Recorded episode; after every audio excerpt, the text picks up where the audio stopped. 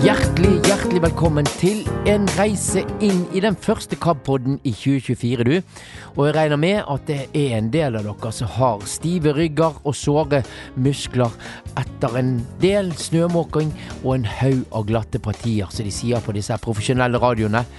Jeg, jeg sier ja til å feire alt som feires kan, så nå feirer vi første skritt på veien mot en salmebok for alle. Og når vi er da på feiringsgaleien, så feirer vi òg Norges første punktskriftpris. Og du, ikke fortvil, det blir mye mer. Ja da, eh, det er ikke så enkelt å få så mye av innholdet eh, med på den første eh, musikken som varer bare så og så lenge. Så i ro og mak så kan jeg da nevne at det blir ja, intervju om hvordan det går med dette synstolkingsprosjektet vårt. Og vi har Det blir sommertreff i år, altså, så det skal du få høre mer om. Det blir veldig spennende, det kan jeg bare si deg.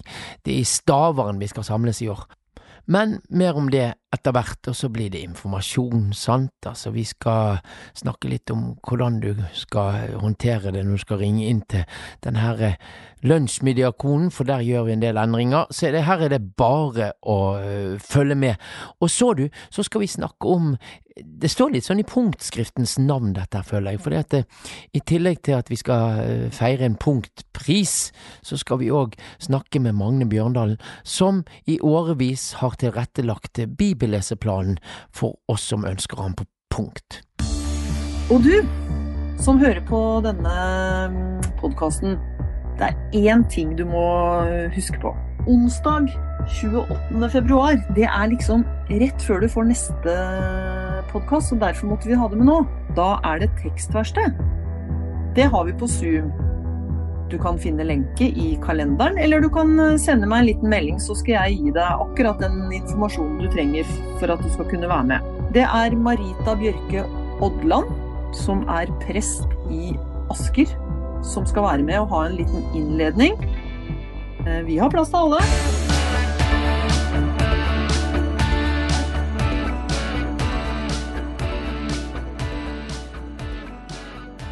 Det å ha vokst opp i Norge som blind til uh, ulike tider, det har uh, gitt ulike erfaringer, og derav uh, satt ulike spor. Når jeg skrev denne her, var med å skrive på den Narnia-forestillingen, så gikk jeg litt tilbake i mitt eget liv, og kanskje jeg skjønte litt at å ja, det er derfor ting er sånn og sånt. Sant?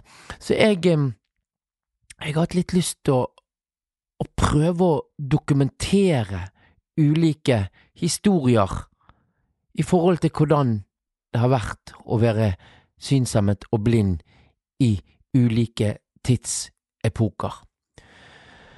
Denne første delen, da skal vi tilbake til 1939 og til Blindeforbundet sitt barnehjem for blinde barn, som het Østafor.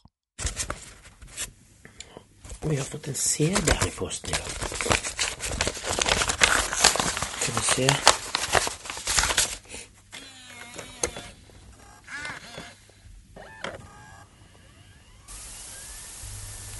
God aften, barn. Jeg syns det var riktig gildt at vi kunne få ha denne barnetimen på Østafor i dag. Dere vet, det er hjemmet for blinde barn. Nå er det ikke meningen at jeg vil gjøre dere triste med å tenke på at det må være fryktelig å være blind. Det er på ingen måte. Det er heller ikke så forferdelig for de blinde barna. De skulle bare se hvordan de kan leke og ha det moro her. Ja, når du hører sånne gamle opptak, så skjønner du ja at tiden den har nok beveget seg en del framover siden dette opptaket ble gjort, altså i 1938 eller i 39. Og det du hørte, det var Barnetimen, det som var på turné til barnehjemmet Østafor, som var et barnehjem for blinde barn, drevet av Norges Blindeforbund. Og stemmen du hørte her, som med sin dype innsikt bedyret at det var ikke så gale å være blind, det, det var formannen, som det het den gangen, i Norges Blindeforbund, Alf Arnesen.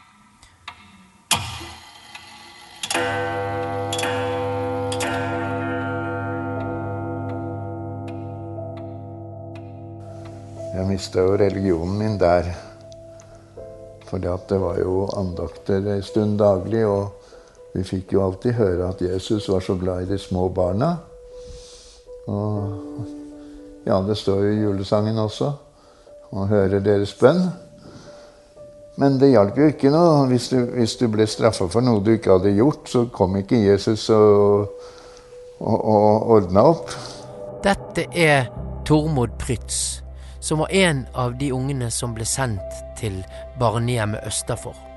Som fireåring så tok eh, Tormod farvel med hjemplassen Lundøy, som ligger lengst nord i Steigen kommune, og ble sendt sørover til barnehjemmet Østafor. Han fikk ikke se foreldrene sine på syv år.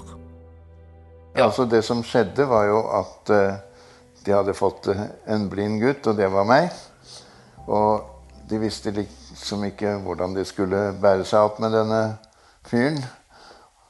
Blindeforbundet reklamerte med et barnehjem som de hadde. og hvis de sendte gutten dit, så ville han ha fordeler da han senere kom på blindeskole.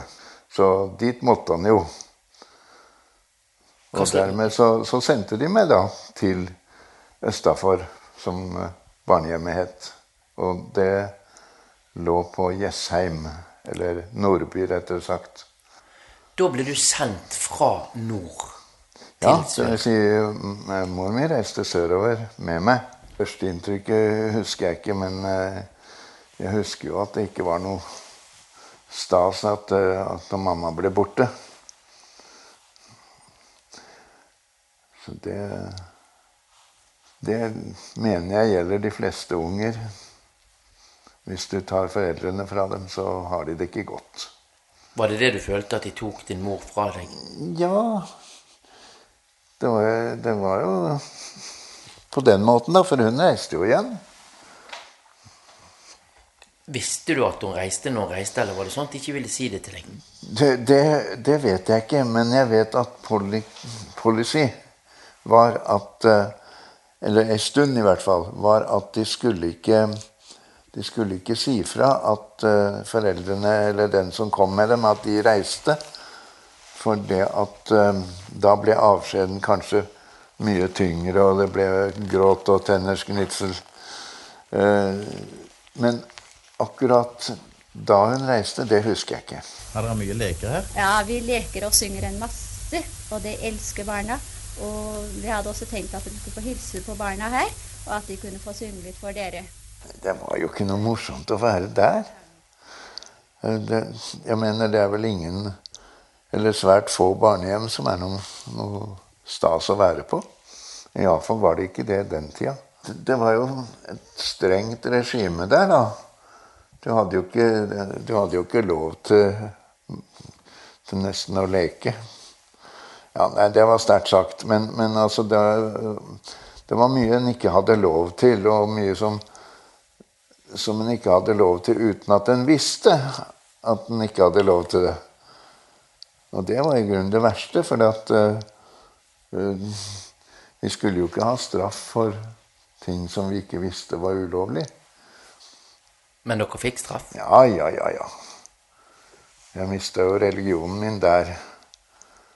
For det var jo andakter en stund daglig, og vi fikk jo alltid høre at Jesus var så glad i de små barna. Og ja, det står jo i julesangen også og høre deres bønn. Men det hjalp jo ikke noe. Hvis du, hvis du ble straffa for noe du ikke hadde gjort, så kom ikke Jesus og, og, og ordna opp. Så dermed så var jo den Det der var jo ikke noe. Hvem skulle en stole på? Ja. Så du mistet eh, ja, da, Den såkalte barnetroen, ja. Bare så det er sagt. Den har jeg ikke fått igjen heller. Jeg, jeg savner den ikke heller. Men det var jo det var jo mye rart der i, i sandkassa. Der var det et, et høl i det ene hjørnet, og nedi der bodde Styggemannen. Og Styggemannen han bodde også et høl på uthuset. På et hjørne der kom det en, en takrenne fra, fra oven. da, og, Og under der var det et høl, og nedi der bodde også Styggemannen. Så det var alltid noen som passa på at vi ikke gjorde noe vi ikke skulle. Ja, de skremte dere rett og slett til å være grei? Ja, det var jo straff for eh, Det var jo mange som fikk ris. Ja, holdt jeg på å skulle si det. Har vel alle fått som har vært der. Så det var eh, Nei, det var ikke noe godt sted å være. Og så fikk vi ikke lov til å snakke dialekten vår. Det var stygt. Uh, ja. Ja, Kanskje vi så skulle snakke med en av de små pikene her. Hvor er du fra, da? Nordland. Hvor lenge har du vært her på Østafor? To år. Hva er det dere liker best å leke med her, da? Jeg liker best å leke med dukkene. Har du mange dukker? Ja. Hva heter de, da? Her er en som heter Stjerneøyne. Hvorfor kalte du den dukken din for Stjerneøyne, du? Det var et eventyr som, som tante Bosse leste, og da var det en pike som heter Stjerneøyne. Jeg har, ikke, jeg har ikke så veldig god lyst til å, å snakke om dette her, for det er, eh, det er ikke noen gode Eh, det er ikke så mange gode minner, i hvert fall. Eh, så, og jeg var ferdig med det. Det som skjedde, var jo at da jeg kom til Huseby Nå har vi kommet til Jeg, var der til 43 på Østafor. Og da jeg kom til Huseby og, og, og liksom fikk litt bedre tid, så skrev jeg opp det jeg kunne huske fra Østafor. Og det ble en 10-12 veldig tettskrevne A4-ark. Vi var sparsommelige den tida. Så det var ikke mange avsnitt og ikke store marger. Og så hadde jeg tenkt meg at eh, nå tar jeg en tur oppover og prøver å finne ut hvordan ungene har det oppe der i dag. Men da fikk jeg beskjed om at da var det nedlagt, og de holdt på å selge. Vel, det, jeg husker, jeg husker at jeg var sinna den gangen. Skikkelig. Reiv i stykker alt sammen og ferdig med Østafor. Var det noe som helst trygghet for en liten gutt der? Det kan jeg ikke huske. Trygghet Nei, men du, du bruker så moderne begreper. Vi visste ikke hva det var å være trygg og utrygg. Det, det, er, det er noe som er kommet etterpå, det at ungene skal ha det trygt og godt. Den tid så skulle ungene være skikkelig snille. Og så skulle de lære noe. Men det ble det ikke så mye av. for at uh, Jeg lærte vel bare et par bokstaver blindeskrift mens jeg var på Østafor. Så det var mesteparten det måtte jeg jo utstå til jeg kom på blindeskolen, da. Nå vil bestyrerinnen på Østafor, frøken Edvardsen, fortelle oss litt om hva barna her på hjemmet liker best å stelle med. Ja, vi får jo barna her, da. Så når de er ganske små, vi har de opp til de skal på skolen i Trondheim. Og da gjelder det jo for oss da å få de til å bli flinke, slik at de kan hjelpe seg selv. De har dem helt fra ettårsalderen, ikke så? Ja, vi får de Aldersgrensen er to år. Men uh, i spesielle tilfeller så får, de inn, får vi de inn også i ettårsalderen. De voksne, eh, kunne du snakke med de? Var det noen du på en måte du, du, var jo en liten gutt, men du på en måte søkte litt trøst hos, eller? Det kan jeg ikke huske. Jeg husker bare at jeg var mistenksom overfor betjeningen. Mistenksom i forhold til hva? Ja, alt mulig. Altså Når det var noe som så ut som en fordel, hva er det nå som kommer på baksida her? Du vet, det, det hele, hele begynner jo med det at du får beskjed om at det er en som skal hjelpe deg hvis, hvis du har det vanskelig, og den, den, hjelperen kommer ikke. Så kan du stole på noen da. Hva mener du med det? Ja, jeg mener ganske enkelt. Vi fikk jo beskjed om at Jesus var, var venner med barna. og Han var snill, og han var hjelpsom, og han var rettferdig. Rettferdig var et vanskelig ord som vi ikke helt fikk betydningen av. men men altså, hvis det var en som hadde fått straff for noe han ikke hadde gjort Og det hendte jo. Ingen, ingen Jesus meldte seg, ingen annen heller, for å rette opp det. Ja, hvem skal han tro på, da? Dette er jo det som virkelig henger igjen. Skepsisen til, til uh, løfter som blir gitt. Altså, vent og se er, er nå det jeg lever etter. Ja, men sier at det skal bli sånn og sånn. Ja, vent og se, Tormod. Så får vi se åssen det går. Jeg tror det ikke før jeg ser hva, hva, hva du står for. Tror du at du hadde hatt et bedre liv eh, nå hvis du ikke hadde vært på Østafor? Det har jeg ikke tenkt på. Men det, er, eh, det, det går jo an å, å, filosofere litt over det, selvfølgelig. Eh, et bedre liv på enkelte måter, men eh, det at, at vi kom ut og kom på blindeskole Når du kommer så langt, så det var, jo, det var jo trist, det òg, selvfølgelig. Og det var sikkert ikke så godt for, for de som kom direkte til blindeskolen og ikke hadde vært på Østafor. Men jeg grua meg ikke for å komme fra Østafor til blindeskolen. Jeg var bare glad til så lenge jeg slapp å være på Østafor. Krigen kom jo. Hvordan Krigen kom, det? og det var det som, som gjorde at jeg ikke kom hjem i ferien. For da ble det jo minelegging langs kysten, og de ville ikke sende ungene nordover. Dermed så ble jo jeg boende i Sør-Norge og hadde heldigvis ei søster til mor som var gift oppe i Lom. Og der, dit fikk jeg komme i feriene, da. Og jeg husker jo at jeg prøvde å gjemme meg når, når tida nærma seg at jeg skulle reise til Østafor igjen. Sa du noe? Om Om jeg sa noe, ja? Ja. Ja, jeg fortalte der oppe. Men hvordan, hvordan reagerte reagerte de om- voksne på det? Nei, de reagerte jo. altså De syntes jo det var eh, synd og, sånn, men de De var jo ikke foreldre, så de hadde vel ikke noen sånn tilsynsmyndighet. Uh, Iallfall så var de aldri og besøkte Østafor, det jeg kan huske. Hvordan var det å være på barnehjem under krigen? da? Det var ikke noe forskjell. Jeg vet ikke hvordan det var før krigen. Jeg tror 39, Det var jo bare ett år, så var det krigen der. Og den kom nokså nær også.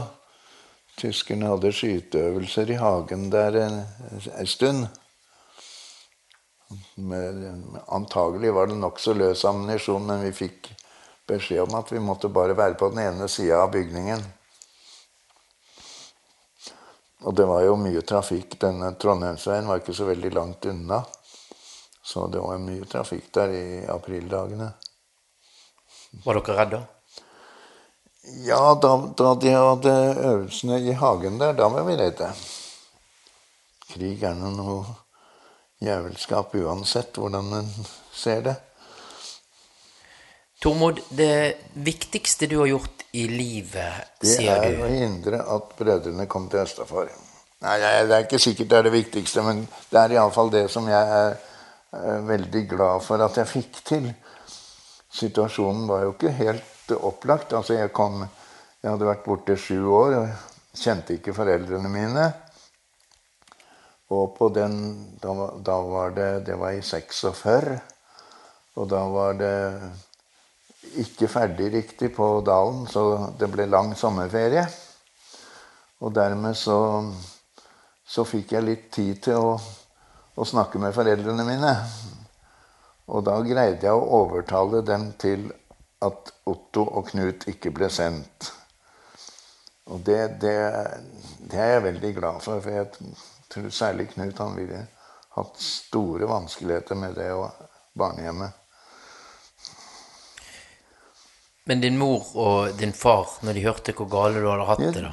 Ja, altså det, Unge ljuger jo rett som det er, vet du. Så jeg, jeg beundrer jo nærmest dem for at de, at de stolte på meg. De, de, de kjente meg ja, ja, de visste jo at jeg var der, men eh, jeg hadde jo ikke vært i kontakt med dem på sju år. Så det, det, det var jo beundringsverdig at de stolte såpass på meg. Hvordan var det etter syv år å møte dine som skulle være de nærmeste? Ja, det var Jeg holdt på å si det var go to the start. Ja. Det, vi måtte jo begynne på nytt. Ja, så du er broren min, ikke sant? Du, du er, er, er du tante mi, eller er du ja, Nei, så var det mor mi, da. Jeg lurte jo på hvilken av tantene mine som møtte meg i Bodø. da jeg kom nordover. Det må jo ha gjort inntrykk på din mor, det? Ja, hun tok det ikke pent. Hun, hun ble veldig lei seg. Men hvordan er synet ditt på det å ha familie når du har opplevd en adskillelse i syv år? Det å ha familie? Det er jo det, det Jeg er jo unntak. Er jo ikke, det er jo ikke alle som har hatt det sånn. Framfor alt så er det jo ikke så veldig mange som har vært borte sju år fra foreldrene. Også i den tida da, så hadde jeg jo glemt hele hvordan de var. Så jeg, jeg kan ikke svare på det. Etter å ha blitt forlatt på et barnehjem sånn, er du redd for sjøl at du har en litt sånn bekymring i forhold til det å bli forlatt nå òg? Nei. Har det påvirket? Nei. Jeg ville ikke trives med det, men jeg er ikke redd for det. Det er mye en kan gjøre sjøl når en er voksen og aleine. Det er ikke det verste som kan hende et menneske. Jeg har jo bodd alene en del. Og, og sånn som, som, vi bor her i, i en by og med, med massevis av tilbud som en kan gå på eller la være, så, så, er det mulighet for å gjøre noe med det der ensomheten. Det er ikke alltid det er så lettvint, men eh, det er iallfall en mulighet for å prøve å gjøre noe med det. Otto eh, Prytz, du, du, er broderen som eh, ikke kom på barnehjem takket være din eldre bror. Mm. Er du synd på han for det? Nei. ja, hva tenker du om det du hører, og, og, den historien som du er en del av her, Otto? Jeg, har, jeg kan supplere Tormod litt, fordi høsten 1946 så kom bestyrerinna på Østafor eh, hjem til oss og hun hadde med seg en som hun hadde henta fra litt lenger nord i landet, og som skulle tilbake til Østafor. Og han sa 'Kjem han pappa etter meg?' Og bestyrerinna 'Må ikke grine noe mer'. Og eh, foreldrene mine snakka en del med henne, og faren min sa at du er vel antagelig sendt for å spionere på hvordan han Knut og han Otto har det. Nja, hun ville nå ikke bruke det uttrykket å spionere. Men øh, hun kom nå til det at vi hadde det godt nok som vi hadde det hjemme. Så jeg, altså Knut og jeg, vi slapp å, å komme dit. Og det må jeg jo si etter, etter at jeg har hørt det Tormod forteller, så er jeg veldig glad for det.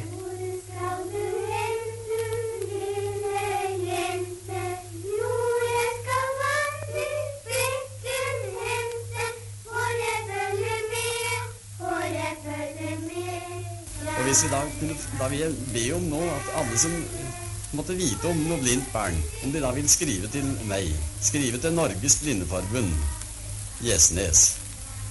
Alf Arnesen, Gjesnes.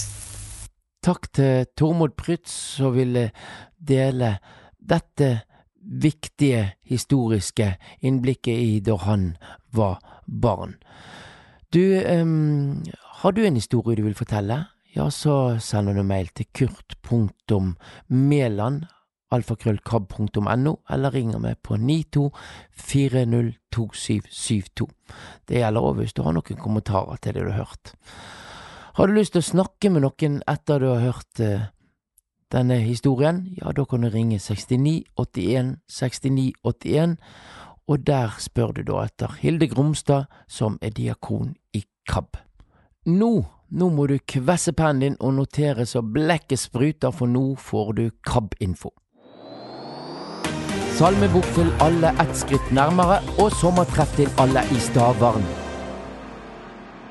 Salmer til alle, det går ufortrødent videre, og nå, Solveig Marie, prosjektleder, Oma til etternavn, nå er salmeboken første del på veien, i hvert fall ute, med en elektronisk salmebok?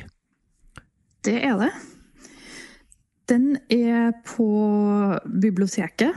Eh, NLB KAB. Det henger jo sammen. Alt sammen i Lydhør-appen og på nettsida der.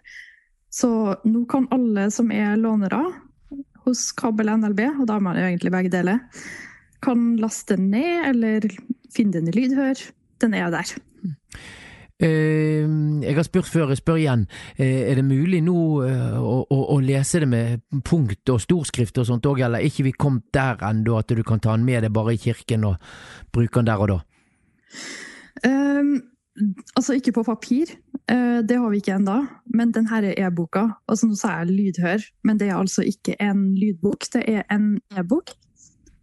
Uh, og det betyr at uh, det er digital tekst. Og da, ettersom hva man viser den med, enten om det er en Lydhør-appen eller en annen app, eller man laster ned filer fra nettsidene til NRB, det går også an, så kan man vise den på ganske mange forskjellige måter. Eh, og da kan du vise den med så stor skrift som man trenger, eller med andre farger, eller koble til leselist og lese med punktskrift. Så det går faktisk an å ta den med i kirka også. Ja, for du, du sier, jeg får litt assosiasjon at hvis du har lastet ned fil, da kan du vel gå inn og, hvis du har punktprinter for eksempel, skrive ut, eller få trykkeriet til å skrive ut til deg. De òg skriver jo gratis ut en del sider for synshemmede nå for tiden. Ja, det er faktisk en HTML-fil, så den ser ut som en nettside. Man kan åpne den i f.eks. i Google Chrome, og navigere i den som om det var en nettside. Det er jo veldig greit hvis man er vant til å navigere etter overskrifter og sånne ting på en nettside. Og da kan man også kopiere ut teksten og skrive den ut, hvis man vil. HTML, eh, sier du. Eh, vi trenger ikke vite hva det er, men eh, det er hvordan, får, da, ja, hvordan si. finner du Mm. den HTML-filen som, som du kan laste ned da, og bruke på den måten som du skisserte noe i forkant? Eh, Jo, da må man gå inn på det som heter mappa mi på nettsida til NLB. Eh, Og da er det sånn man logger inn, og så ser man hva man har lånt av bøker og sånne ting. Tipper det er ganske mange som har brukt den før. Um, Og hvis ikke, så går det an å få hjelp til det. Mm. Uh, Og da kan man søke etter den boka, og så kan man da enten få den i um, Ja, den fins i to formater der. Det er enten HTML eller det som heter EPUB, som er sånn e-bokformat. Ja, Så da er det bare til å klikke på en av de to, og ikke egentlig Ja, forstå hva det betyr. Mm. E-pub og greier. Det er mye ord her, Solveig Marie, Ja, men det er litt teknisk det her, jeg vet. Jeg holder faktisk på å skrive en sånn, eh, en sånn veileder, for jeg vet jo at det er veldig nytt for mange det her. Eh, Og den har jeg ikke fått helt ferdig ennå. Og jeg tror kanskje dessverre det vil vare ut i februar før den blir ferdig. Men eh, jeg driver og skriver en slags bruksanvisning med hvordan man kan bruke den her. Tenkte jeg var, høres ut som det var lurt. Dette høres jo spennende ut, eh, Solveig, men, men eh, hva jobber du med nå i Salmeprosjektet for, for at vi skal komme videre på veien? Eh, Vi jobber jo videre med papirutgavene. Det er kanskje noen som føler at de har vært litt glemt, men det er de ikke. Det handler mer om at vi må finne de beste løsningene og få testa ting skikkelig før vi begynner å trykke. Eh, Så det vil ta en stund enda, men det jobbes absolutt med saken. Og da mener jeg både punktskrift og ikke minst storskrift, som vi trenger å skaffe oss litt mer kompetanse på. Og der er jeg litt heldig, for jeg jobber jo også med et prosjekt i Tyskland, der jeg bor. Eh, Og på det tyske eh, blindebiblioteket, de har ganske mye kompetanse på storskrift. Mm. Så da kan hende vi kan lære noe av dem. Ja. Og så jobber vi med, videre med eventuell app-utvikling også, fordi at eh, nå har vi fått faktisk søkt og fått mer pengestøtte fra kirka. Så det er masse spennende som skjer, og masse spennende vi kan gjøre fremover. Og så er det å finne ut hva man skal gjøre først, da, ikke sant? og hva som, hva som er lureste måtene å gjøre det på. Og dette er jo spennende, Solveig Marie, og vi, denne salmeboken det er et eh, stykke på veien, men vi er ikke i mål. Men at vi er et stykke på veien, og det må jo feires, Solveig. Ja, vi syns det at det er noe med når man bare sitter med kontorarbeid på hver sin kant. Nå er det jo også sånn at jeg jobber mye på hjemmekontor og på avstand, og det gjør vi flere i det prosjektet her. Og så er det noe med at det handler jo tross alt om å synge salmene her. Og da hadde vi veldig lyst til å møtes og faktisk synge salmer. Og bruke det her i praksis. Så det skal vi. Det blir et uh, arrangement som er det er jo klart, sånne fysiske arrangement er vanskelig å få inkludert uh, absolutt alle alltid. Men hvis noen er i Oslo-området den 3. februar, så er det altså i Asker, nabokommunen til Oslo, i Teilen kirke. Eller Teilen Spikkestad kirke- og kultursenter, heter det vel egentlig. Og Det er rett ved togstasjonen i Asker. Hva skjer der konkret? Da skjer det en ja, jeg vet ikke om jeg skal kalle det salmekveld når det er klokka fire på ettermiddagen. Men jeg tenkte lørdagskveld skal vi kanskje litt eh, Ikke kommer så mange folk da, hvis vi har det for sent, men vi har det klokka fire. Og da skal vi, en gjeng med musikere, jeg er jo også utdanna kirkemusiker, og så er det Ulf Nilsen, som sikkert veldig mange kjenner eller har hørt om, og Anette Nordmo, som jobber der som organist. Og Ulf er jo også organist. Og så har vi med et par folk fra prosjektet som har vært med og bidratt, som også skal synge solo. Og det blir noen forsangere med, og det blir eh, ja, Hege Blikkfelt skal spille trompet. Og ja, vi driver og planlegger det nå, vi har det veldig artig. Mm. Og så er det jo rett og slett masse allsang, da. Mm. Så vi skal ha, da skal vi ha program i både papir og digitalt og alt mulig rart. Og, og, og her eh, når jeg hører dette, så tenker jeg eh, sånn, sånn Best of salmekveld. Det blir, kan det bli sånn der en mulighet for en ønskesalme òg, da, tror du? Eh, det tror jeg nesten ikke vi rekker. for det, eh, vi, vi, har jo Ja, vi har planlagt hvilke salmer vi skal ha, og så har vi også en liten sånn ja, kalle det sånn presentasjon og talkshow-del, eller hva man skal kalle det, på midten, der vi prater litt om prosjektet og også om KAB sitt synstolkingsprosjekt. For det her er egentlig et slags samarbeid mellom Salmebokprosjektet og synstolkingsprosjektet. Og synstolkingprosjektet i kirken, det vet du, eh, Frank Tangen, mye mer om, og kan fortelle og gjøre oss enda litt klokere. Ja, jeg vet ikke hvor klok jeg kan gjøre deg, Kurt Ove, men uh, dette, dette, er et uh, prosjekt som vi gjennomfører uh, i samarbeid med Kirkerådet, dvs. Si at det er de som finansierer det, og Asker prosti. Fordi det er slik at uh, prosjektmidler fra Kirkerådet må kobles til prostier eller menigheter i Den eh, norske kirke. Eh, og dette er et av landets største prostier med 90 000 innbyggere. Og det er vel ca. 70% medlemmer av Den norske kirke, så det er mye å ta av her og selvfølgelig også mange med syns- og lesevansker. Og For å si litt eh, om utgangspunktet for prosjektet, da, eh, så er det jo slik at eh, spesielt i gudstjenester i, og andre kirkelige handlinger i Den norske kirke, så skjer det mye som er ganske visuelt. Vi skal reise oss og sette oss. For å være med på nattverden så kreves det jo gjerne at i utgangspunktet. At du kan finne et beger, eller finne deg en plass i køen. Hvis det er slik at du selv skal dyppe oblatene i vina, skal du helst ikke stikke hele handa nedi. Og så skal du finne veien tilbake til plassen for å ta noe. Og så er jo gjerne program og salmer nå for tida trykka i liten skrift for å spare papir. Eller eh, enda verre for mange som har syns- og lesevansker, som powerpoint på en skjerm. Ja, jeg tror mange av de vi snakker til nå, Kurt, de kjenner veldig godt til dette. og Det gjør sikkert du også. Mm.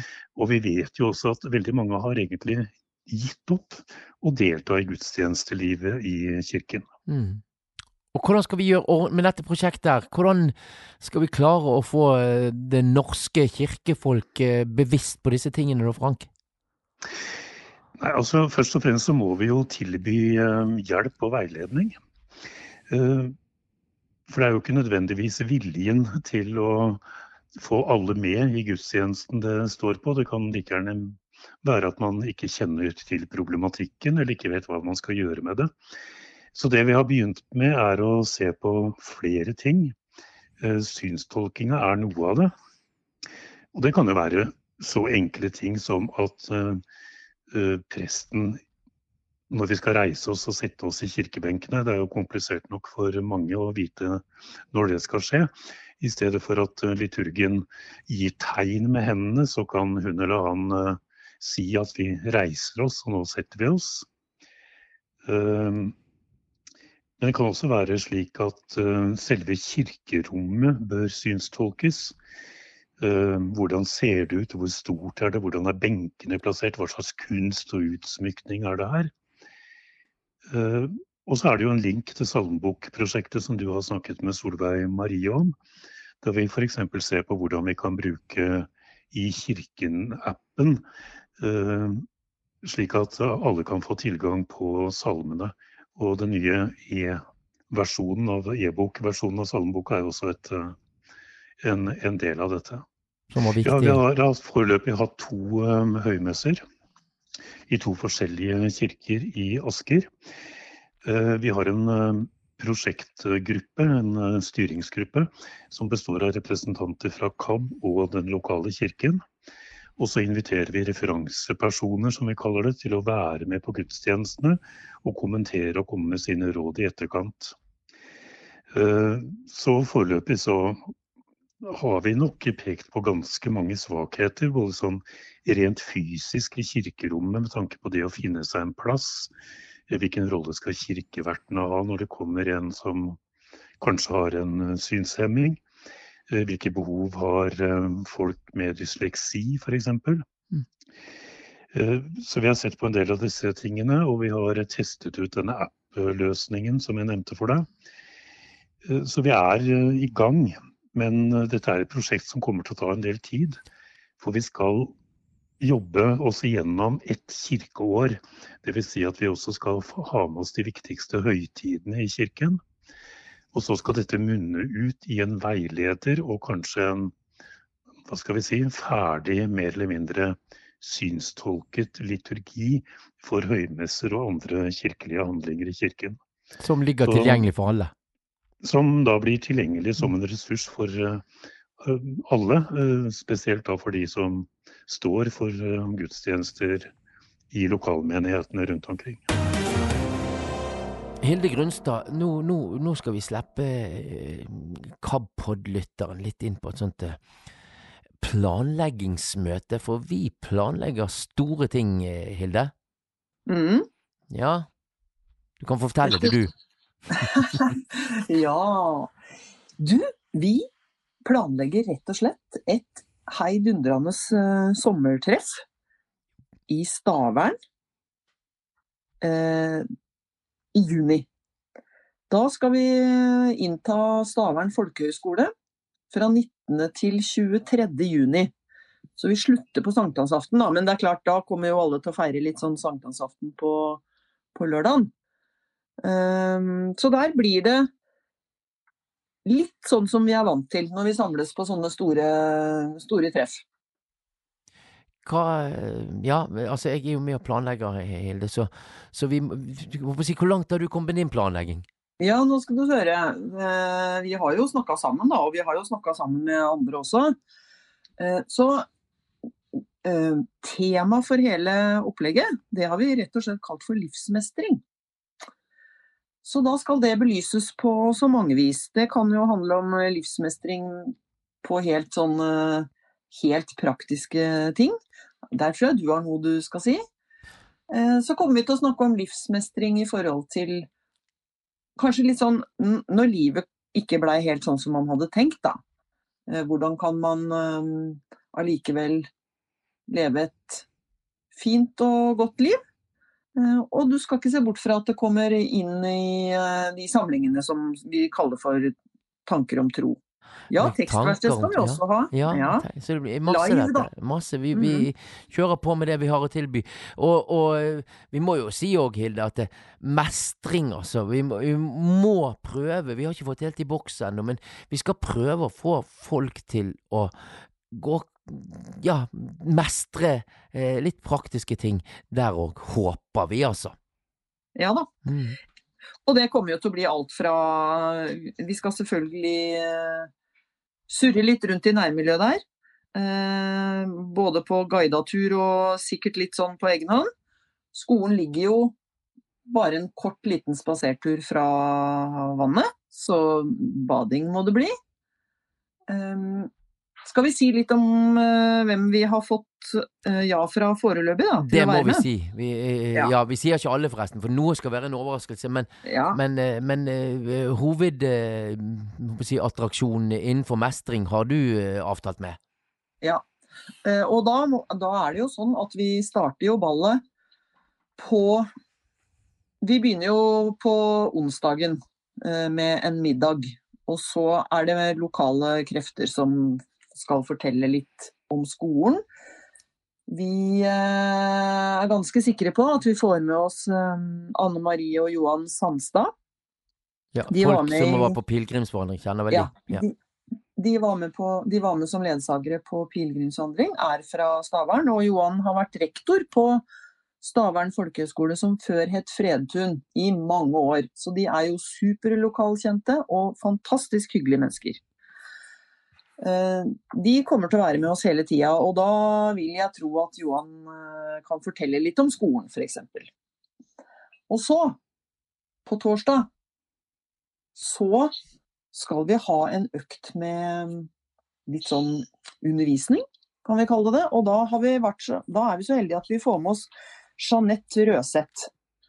Hun har skrevet en bok som heter 'Livssorg når livet ikke ble slik du hadde tenkt'.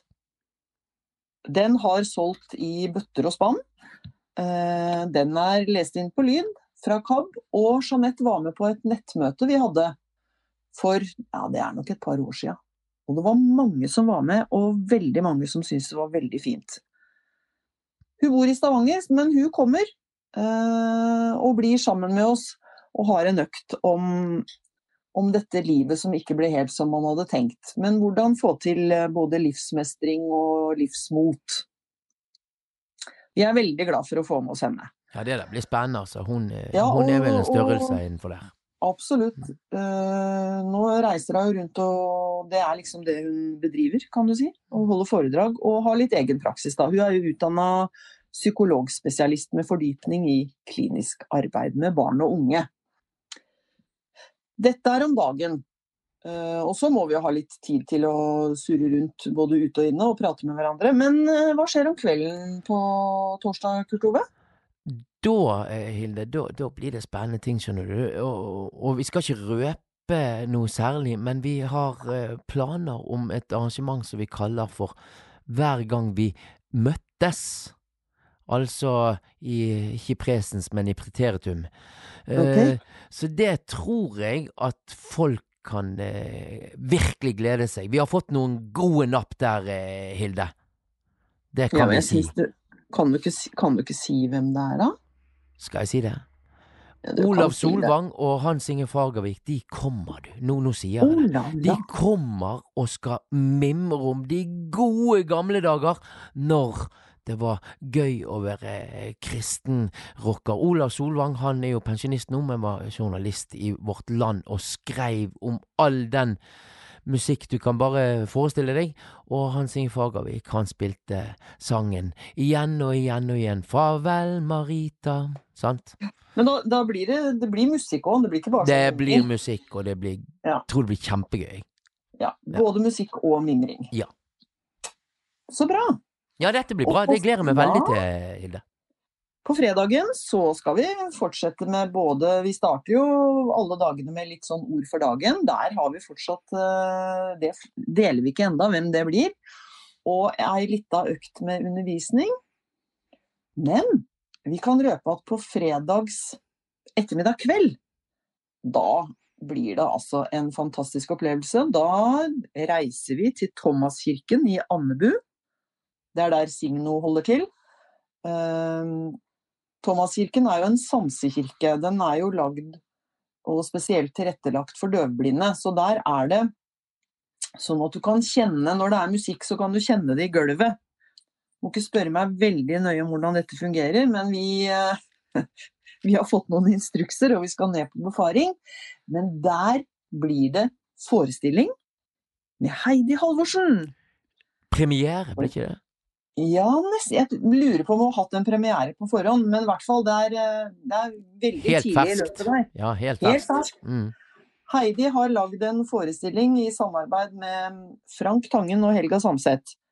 eh, Hvor hun bruker eh, diktbøkene sine, og skal også Det blir en blanding av dikt og sang, og kanskje litt fortelling. Det skal vi altså få være med på. Det, det høres veldig fint ut, Ja, det Hilde. kommer til å bli magisk. Ja, det gleder vi oss til. Og når hun synger, da, så dundrer det i gulvet og Ja. Spennende, spennende. Oi, oi, oi. Uh, og når vi kommer til lørdag, da har vi tenkt at vi skal ha et lite sånn tekstversle live. Så ord for dagen da blir at vi snakker om uh, søndagens tekst. Eh, da får vi med oss en prest, det er vi sikre på, og så snakker vi litt om det. Det blir, eh, det blir litt fint, tror jeg. Um, og da er nok tanken om livsmestring eh, undervisning. Da må vi ut. Vi må ut og gjøre litt kule ting. Og det er jo et vann i nærheten, sier ikke mer om det. Nei. Så har vi jo lokale gode krefter med oss, sånn at vi tenker vel at det blir en slags à la deltakernes aften, men i hvert fall at vi får en slags konsert da, på kvelden. Mm. Eh, ønsker oss grilling. Håper at været blir fint. Og søndag er det jo Da blir det en feiende flott uh, gudstjeneste. I en kirke nær deg, eller i hvert fall nær Stavern folkehøgskole. Og så er det vel egentlig bare å reise hjem, da. Her må folk kjenne sin besøkelsestid og være med. Eh, Vi har ennå ikke fått noe sånn eh, orden på påmeldingen, men det, det, det skal vi ordne etter hvert til. Vi har en plan om at det skal kunne være mulig å melde seg på digitalt, altså at vi har et skjema som man fyller ut. Men hvis man syns det er vanskelig, så er det bare å ta en telefon. Må gjerne ringe til meg, eller spørre etter meg, og så skal jeg fylle inn det skjemaet. Fra nå av så skal lunsj med diakonen den skal gå via telefon nå. Og da er det som følger at du ringer eh, 47 47 og 0 0 0 0. 47 47 og 40-tall. Og da må du legge inn en møte-ID, noen sifre som endrer seg for hver lunsj med diakon. Dersom du ønsker å få denne her lille møte-ID-en på, på SMS, så bare gi beskjed til Hilde, så sender hun den til deg. Um, det er òg mulig for eh, Hilde Grumstad å slippe deg inn at hun ringer deg opp. Så hvis du syns det blir vanskelig med alle disse tallene og møte-ID og sånt, så kan du bare gi beskjed til Hilde, og så ringer hun deg opp på forhånd før lunsj med diakon begynner, og da er din oppgave bare å ta telefonen. Altså lunsj med diakonen fra Zoom til telefon. Det stunder mot eh, årsmøter i lokalforeningene av eh, KAB, og da begynner det onsdag 21. februar. Da er det årsmøte i Stavanger. Søndag 3. mars, da er det årsmøte i Oslo. Og torsdag 4. april, da begynner årsmøtet i Kristiansand. Du, og um, her er det viktig at folk virkelig stiller opp. Og til og med har du lyst til å være med og bidra i et sånt eh, styre, så tar du og ringer til KAB 6981 6981 og spør etter Kari Undeland. Og så vil jeg minne om det jeg snakket med Solveig Marie Omo om her for litt siden, altså Salmesang for alle, der vi skal feire at vi er et skritt videre på veien for at eh, alle skal få synge salmer. Vi har kommet ut med en e-salmebok. Og det skjer da 3. februar i Teggel, Spikkestad kirke- og kultursenter. Altså 3. februar. Hjertelig velkommen. Visste du at KAB lager mange varierte og gode podkaster? Jeg er jo et sted som jeg ikke bør være så fremmedkarlig som nyttårsvinter. Vi må bare ikke si det til KAB at vi har vært på badet sammen. Alle podkastene er laget av blinde og svaksynte. Pass på nå. Uff a meg. Der slo jeg meg. Du finner dem der du strømmer podkaster. Ja da, så hvis du har lyst til å eh, se mer hva vi har å tilby på podkastfronten, så er det bare til å gå inn på kab.no og leite etter ulike spennende podkaster der. Det, det er ikke jeg som har gitt mye til punktskriften, det er punktskriften som har gitt mye til meg.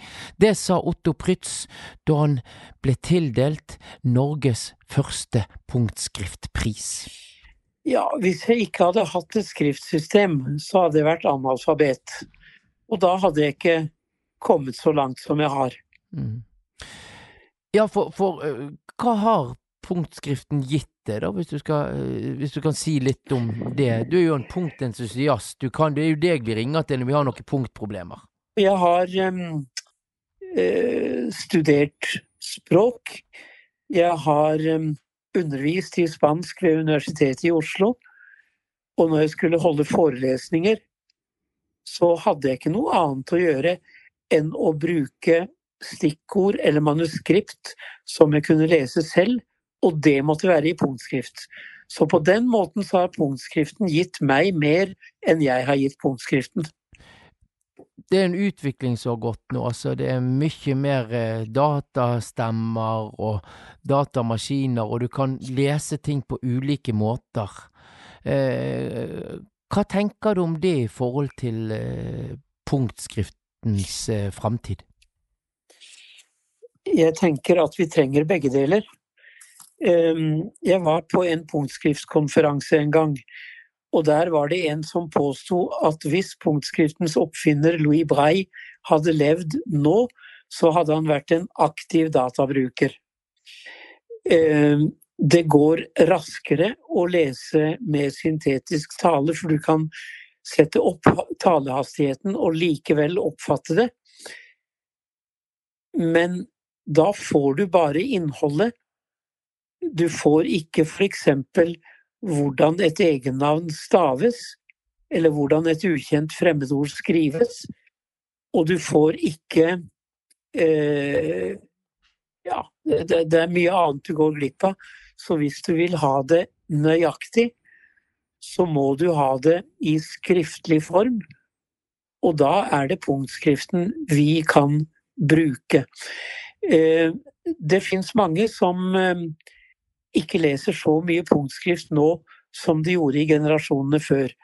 Og det kommer av at eh, det er mye mer informasjon som står til rådighet. Men det betyr ikke at ikke skrift er viktig. Hvis du f.eks. har flere medisinesker som kjennes like ut, og skal finne ut hva som er blodtrykksreduserende og hva som er blodfortynnende, ja, så kan du ikke se på, på, på den visuelle skrifta på esken. Du er enten nødt til å bruke en eller annen teknisk duppeditt som kan fortelle deg med tale hva esken inneholder, eller så kan du mye mer praktisk bare legge handa på esken, kjenne med fingrene hvilke bokstaver som står der. Aha! Det var blodtrykksreduserende, og det var blodfortynnende. Da tar jeg ikke feil. Du sa at uh, når du fikk denne punktskriftprisen, så sa du det at dette hadde ikke du ventet. Men du har jo, er vel en av de som har gjort mest for punktskrift, tenker jeg. Du har uh, faktisk uh, tilordnet punktskriften til samisk. Du har, når datamaskinen kom og man trengte flere punkt i en celle, altså flere prikker, ja, da gikk du i, i for, og og prøvde da å lage en åtteskrifts punktskriftstabell der, der man har eh, flere tegn tilgjengelig. Jeg har aldri stått på barrikadene, og jeg har aldri uh, produsert store mengder punktskrift, slik som f.eks. Norges Blindeforbunds trykkeri gjør nå. Men jeg har hatt kjennskap til punktskriften som system. Og da jeg selv begynte å bruke PC og hadde bruk for eh, entydige tegn som kunne fortelle meg hva, eh, hva bokstaven jeg leste var for noe. Da brukte jeg eh, Da tok jeg for meg et av de tegnsettene som eh, IBM hadde. Eh, og så eksperimenterte jeg og fant representasjoner av alle tegnene i tegnsettet. Um, en som var med i offentlig utvalg for punktskrift, han um, skaffet meg 256 legoklosser med åtte punkter. Denne eh, mannen i, offentlig utvalg for punktskrift, han skar av eh, punkter på disse legoklossene. Han hadde legoklosser med åtte punkter i hver, som kunne illustrere en punktcelle. Og så skar han av punkter slik at jeg fikk én kloss med hver kombinasjon. Og så hadde jeg plate, og så lekte jeg med Lego og, og fikk, eh, fikk da gitt punktrepresentasjon for alle tegnene i tegnsettet. Det var veldig moro å leke med Lego.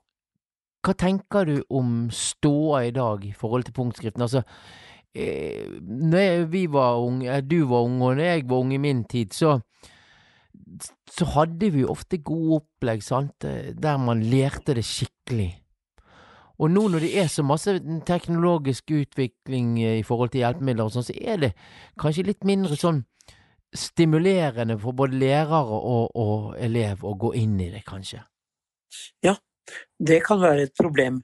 Altså hvis én punktskriftbruker er alene i en klasse, og læreren i klassen bare har fått et lite kurs i punktskrift, så kan ikke læreren så veldig mye mer enn eleven. Og da kan det hende at undervisningen i punktskrift ikke blir så god. På den måten så hadde vi det bedre, vi som gikk på spesialskole, for der måtte alle bruke punktskrift. Det var altså et punktskriftmiljø, og det savner vi kanskje i våre dagers skole. Leser du bøker og sånt eh, på punkt, Otto, eller har du gitt det med sånne ting? ja, jeg leste ganske mye i min barndom. Eh, Så begynte jeg å studere, og da var det nok å lese pensumbøker. Det var jo bøker det også, men det var ting jeg måtte lese. Og nå er det vel sånn at, eh, at jeg bruker punktskriften til andre ting. Eksempel å korrespondere på e-post. Fordi nå er det jo sånn at det som, kom, det som er på PC-en, det kan gjengis som punktskrift. Og dermed så er jeg blitt mye mer uavhengig etter at PC-en kom. I gamle dager, hvis jeg fikk et brev, hvis jeg fikk et kjærlighetsbrev Jeg husker en gang jeg fikk Det var vel ikke noe kjærlighetsbrev, men det var iallfall et brev fra ei spansk jente. Ja, litt romantisk. Ja, og det var håndskrevet på spansk. Og eh, jeg hadde ikke tilgang til mange som kunne spansk. Og eh, jeg husker jeg tok det med til foreldrene mine en sommerferie. Og de skulle prøve å lese håndskrift på et språk de ikke forsto. Og da måtte de gjette. Så måtte jeg spørre ja, men hva, hvilke bokstaver ser det ut som det ordet kan bestå av? Ja, det ene kan være B, eller det kan være H, eller det kan være noe annet. Og så måtte jeg prøve å tråkle sammen ord som ga mening. Det ble ikke noe av kontakten med den spanske jenta etter hvert. Nei, jeg tenker det at du hadde vel hatt henne her i Norge, hadde du hatt leseliste den gangen? Ja, det, ja, altså det er jo sånn nå på PC at eh, jeg kan lese korrektur på det jeg selv skriver. Det kunne jeg ikke til eksamen. Til eksamenen, eh, eksamener på, både på uh, gymnaset og på universitetet, så måtte jeg føre inn eksamensoppgavene på vanlig skrivemaskin. Men jeg kan ikke lese det som skrives på skrivemaskin. Så jeg måtte ha en til å lese gjennom det. Eller jeg måtte bare levere det uten at noen hadde kontrollert at jeg hadde skrevet riktig. En gang jeg skrev en artikkel, så hadde den ene handa mi flytta seg en, eh, et hakk til venstre eller til høyre, sånn at eh, de, de bokstavene jeg skrev med den handa, de var, de var forskjøvet. Så var det en Dette her var en vitenskapelig artikkel. Så var det en kollega en professor som leste gjennom det, og så sa han du har skrevet prinsipielt riktig, men den ene handa har forskjøvet seg. Det var Otto Prytz det, som eh, har fått utdelt den første punktskriftprisen i Norge av Norges Blindeforbund. Men vi holder oss litt inne i, i punktskriftsverden, du. Um, jeg lærte godt punktskrift på skolen. Jeg hadde en lærer som virkelig satte seg inn i det, så, så jeg fikk en, en inngående kunnskap til dette her, og har dratt nytte av det i alle år seinere. Men jeg husker en gang, hun læreren hun var så fantastisk grei, hun visste at jeg var veldig interessert i musikk, så hun hadde lyst til å lære meg punktnoter. Og dette skulle hun gjøre på privaten, så jeg skulle komme hjem til henne på kvelden og, og lære punktnoter. Og en liten gutt syns jo ikke dette her er gøy, og skjønner jo ikke dette her begrepet langsiktig eh, tankegang og så videre. Så det at eh, jeg rømte fra disse her eh, noteundervisningene, og til slutt så fant vi ut da at jeg skulle få slippe, og det angrer jeg fryktelig på i dag. Jeg kan ikke en eneste note på punkt, og det er ganske upraktisk når du er, jobber med musikk. Eh, jeg husker jeg møtte denne læreren da seinere, det var kanskje bare ett år siden, hun var jo blitt godt opp i årene, jeg møtte henne på senteret, og gikk bort til henne og sa rett og slett unnskyld både for det og hit. Jeg husker vi hadde henne i musikk òg, og, og, vi fikk utdelt sånne blokkfløyter, men det ble fort et livsfarlig våpen, skal jeg si deg, så hun hadde mye å stri med, frøken Rørlien. Men i alle fall, vi her i KAB, vi har en eh, jeg må si det, jeg har snakket om det før, men det er en godt bevart hemmelighet. Vi har bibelleseplanen i ulikt format. Vi har en tohefters punktutgave, og du kan få den på datafil. Um, denne punktutgaven det er det Magne Bjørndal som har gjort i veldig mange år, og gjør det fortsatt. Ja, og jeg tenkte at det var på tide å preike litt med Magne om dette? Nei, Det har vært litt sånn uh, att og til og fra. Uh, men uh, første gangen jeg gjorde det, er nå veldig, veldig mange år siden. Ja. Men jeg har ikke gjort det hvert år. Altså, da er det et systematisk jobbing med å skape en vanlig bibelplan om til eh, oppsett som fungerer i to punkthefter. Det må være litt av en jobb for deg? Det er jo litt arbeid, men eh, jeg må jo understreke at jeg gjør det ikke alene. Jeg får veldig god hjelp av staben i KAB til å uh, få tak i fil fra forlaget, og så uh, til å printe han og sende han ut når sluttresultatet er ferdig. Så så jeg gjør det slett ikke alene. Så, eh, ja. Men litt, litt, jobb er det, men eh, når jeg får den i god tid, så kan jeg pusle med det litt sånn eh, innimellom andre ting, og det går greit. Du blir ikke bekymra og sånt, og litt sånn stressa når du får fil i posten og vet at nå er det å nei, nå begynner jeg igjen på samme greien?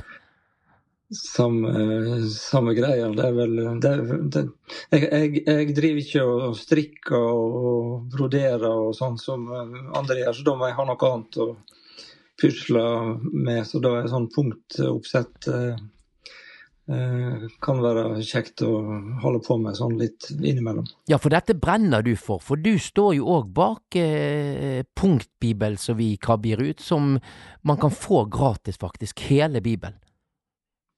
Ja, jeg jobba der heller, der heller var jeg slett ikke alene, men jeg hadde et hovedansvar for å tilrettelegge det eh, prosjektet. Og det var en hel del arbeid gjennom, eh, gjennom flere år før vi til slutt eh, fant et, et oppsett som fungerte, og som jeg er ganske stolt over at vi har fått til. Men du, du, du må brenne for dette her, Magne? Ja, jeg, jeg, er en ganske sånn uh, rolig person, tror jeg. Så jeg, jeg, brenner, jeg, har nok mer, jeg er nok mer sånn vilje- og pliktstyrt enn at jeg brenner så veldig. Men, uh, men jeg er absolutt uh, opptatt av punktskriftet som medium. Og, og eh, som sagt glad i å pusle med sånne ting og få, få ting eh, satt opp sånn at det skal være oversiktlig og, og greit å finne fram i. Men hvorfor er det viktig, mener du, du sier du gjør det av plikt, hvorfor er det viktig at vi får både leseplan og, og mm, bibel på punktskrift? Det er jo veldig mye lydalternativer. Ja, det er et eller annet med å ha ting under fingrene og kunne eh, Det er jo litt det samme som å spørre hvorfor, hvorfor kan ikke andre bare kutte ut all den visuelle skrifta og få, få eh, opplest det som de trenger. Når, når folk som ser har nytte og glede av å ha ting framfor seg som skrift, så har vi som leser punktskrifter på tilsvarende måte. Ja, for det blir jo et annet møte med teksten, blir ikke det? Jo, og så er det i en del tilfeller iallfall eh, raskere og enklere å slå opp og bla opp ting eh, når du har det framfor deg på papir, enn, eh, når du skal liksom lete i, i lydfiler og veit ikke helt eksakt hva Eh, hva du skal søke på, eller, eller sånn, så er det noe med det å bla, bla seg eh, fram til ting. Men du, eh, Magne, det er jo en eh, til dels stor jobb dette her med den bibelleseplanen, da. Eh, du, får du snart fil til neste års eh, bibelleseplan? Eller neste Nei, da får nå dreie litt ut i september, oktober en gang, så blir det tid for å begynne, begynne med den. Tror du det er bare du som kan dette? Altså, er, det, er, det en, er, det, en, sånn Når du gir deg, så har vi ikke noen som kan eh, jobbe videre for dette? Ja, jeg, driver jo, jeg driver jo som prest og gravlegger en hel masse folk. Og kirkegårdene er fulle av sånne som trodde at de var uunnværlige. Så jeg tror ikke jeg skal jeg tror ikke jeg skal legge meg blant dem. Men eh, så det går nok an å og uh, uh, få noen til å gjøre det, men, men uh, det, det, er en litt en litt sånn manuell jobb som må, som må gjøres med litt sånn omtanke for hvordan, skal, hvordan, sluttresultatet skal bli. Da. Litt uunnværlig er du, Magne. Må ikke være så beskjeden. Det er vestlendingene. det var det. Men, men, eh, hva skal vi si, dette, dette, er jo sånn som folk bør få seg, denne leseplanen, Magne. Du som er prest og greier, vi, vi, det, det, er viktig, ikke det? Jo, det er jo eh, mitt Jeg må nå bare bekjenne at jeg er ikke en sånn veldig systematisk eh, bibelleser som som har en sånn andaktsstund hver dag. Så min største nytte av det er nok Ehm, å ha en, en, veldig tilgjengelig oversikt over søndagstekstene eh, der. Eh, når jeg skal forberede gudstjeneste, så er det veldig, er det veldig fint å, å ha dem. Og det vil jo òg gjelde hvis en eh, leser tekster i, i kirke eller forsamling. Eller, en, eller faktisk to bibeltekster som en, er lagt til rette for at en kan lese den dagen. Og en har bak en uh, oversikt som gjør at en kan lese salmene gjennom hele året. og Det, det er mange, mange, muligheter i et sånt heft. Det var Magne Bjørndal, det, som fortalte om punktskrift-bibelleseplanen vår, og mer til. Du, nå begynner det å gå mot slutten om fra denne KAB-podden, og tusen takk, du. Takk for det at du har hatt tålmodighet med meg og hørt på denne podkasten.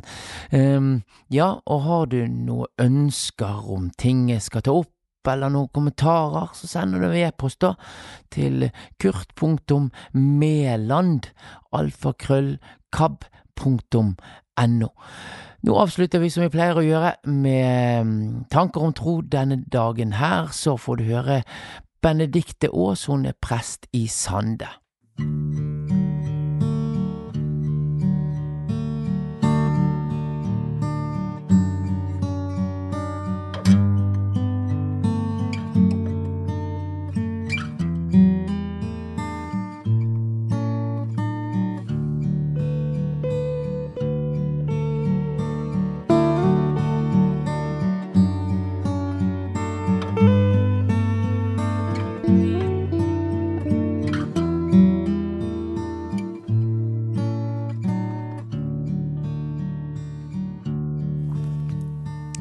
Jeg heter Benedikte Aas, og til daglig er jeg prest i Sande menighet i Vestfold.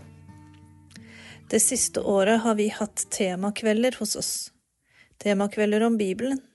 Utgangspunktet er et ønske om å bli bedre kjent med tekstene, hvem som har skrevet dem, hvilken kultur de er skrevet inn i, og hva de kan bety for oss i dag. Vi merker alle at, at tekstene berører oss, og det har gitt oss mange fine samtaler. Husker du første gang du leste eller hørte en bibelfortelling? Da jeg var barn, hørte jeg ofte på KABs lydaviser, og der var det bibelfortellinger. Ofte gjenfortalt som hørespill. Og disse fortellingene har jeg båret med meg gjennom hele livet. Jeg husker også første gang jeg kjøpte min egen bibel. Da skulle jeg begynne på videregående skole og trengte en bibel for kristendomsfaget. Jeg kan se for meg bokhandleren jeg kjøpte den i, damen bak disken, som solgte meg den, og jeg husker at jeg gikk hjem fylt av glede og forventning. Jeg satte meg ved skrivebordet mitt og begynte å lese, for teksten var viktig for meg. Da jeg etter hvert begynte å streke under de ordene som betydde noe, ordene til trøst, ord til styrke, bønner og ord som kunne lære meg noe. Alle ordene fikk ulike farger, og det ble lettere å finne frem i den store boken. I Salme 119 står det skrevet. Ditt ord er en lykt for min fot og et lys på min sti. Bibelen viser oss retning i livet. Den forteller noe om hvem Gud er og hans vilje med oss. Og ofte har jeg lest Bibelen med akkurat dette spørsmålet. Hva vil du med livet mitt, Gud? Hva vil du med verden, og hva vil du med kirken? Hva er din vilje? Og så tror jeg at når vi møter ordene med det samme spørsmålet, er det noen ord og noe vi går glipp av. For Bibelen rommer så mye.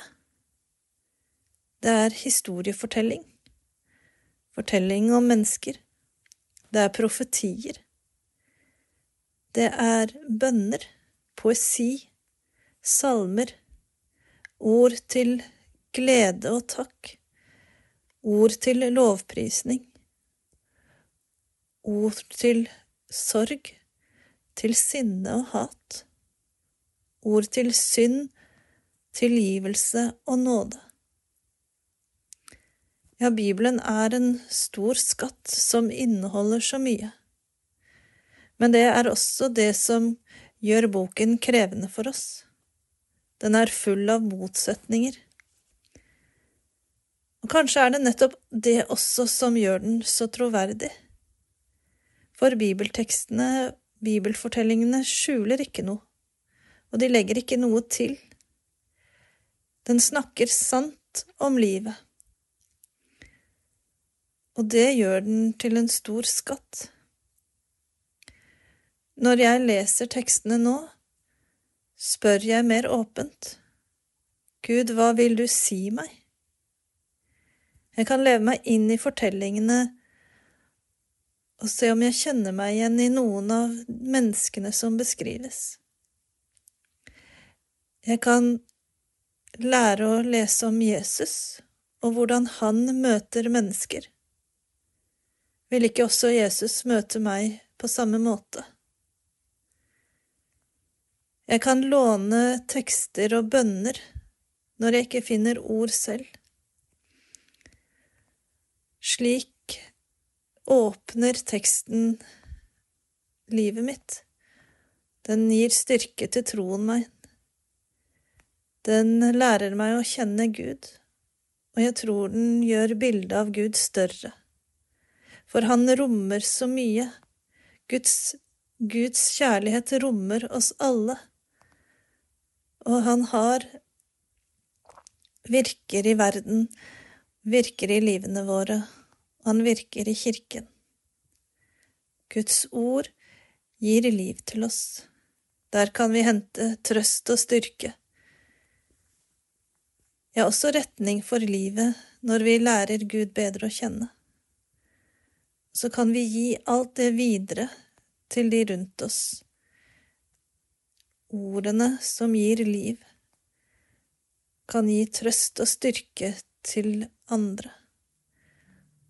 Og slik kan vi vise andre hvem Gud er, så Guds rike vokser på jorden.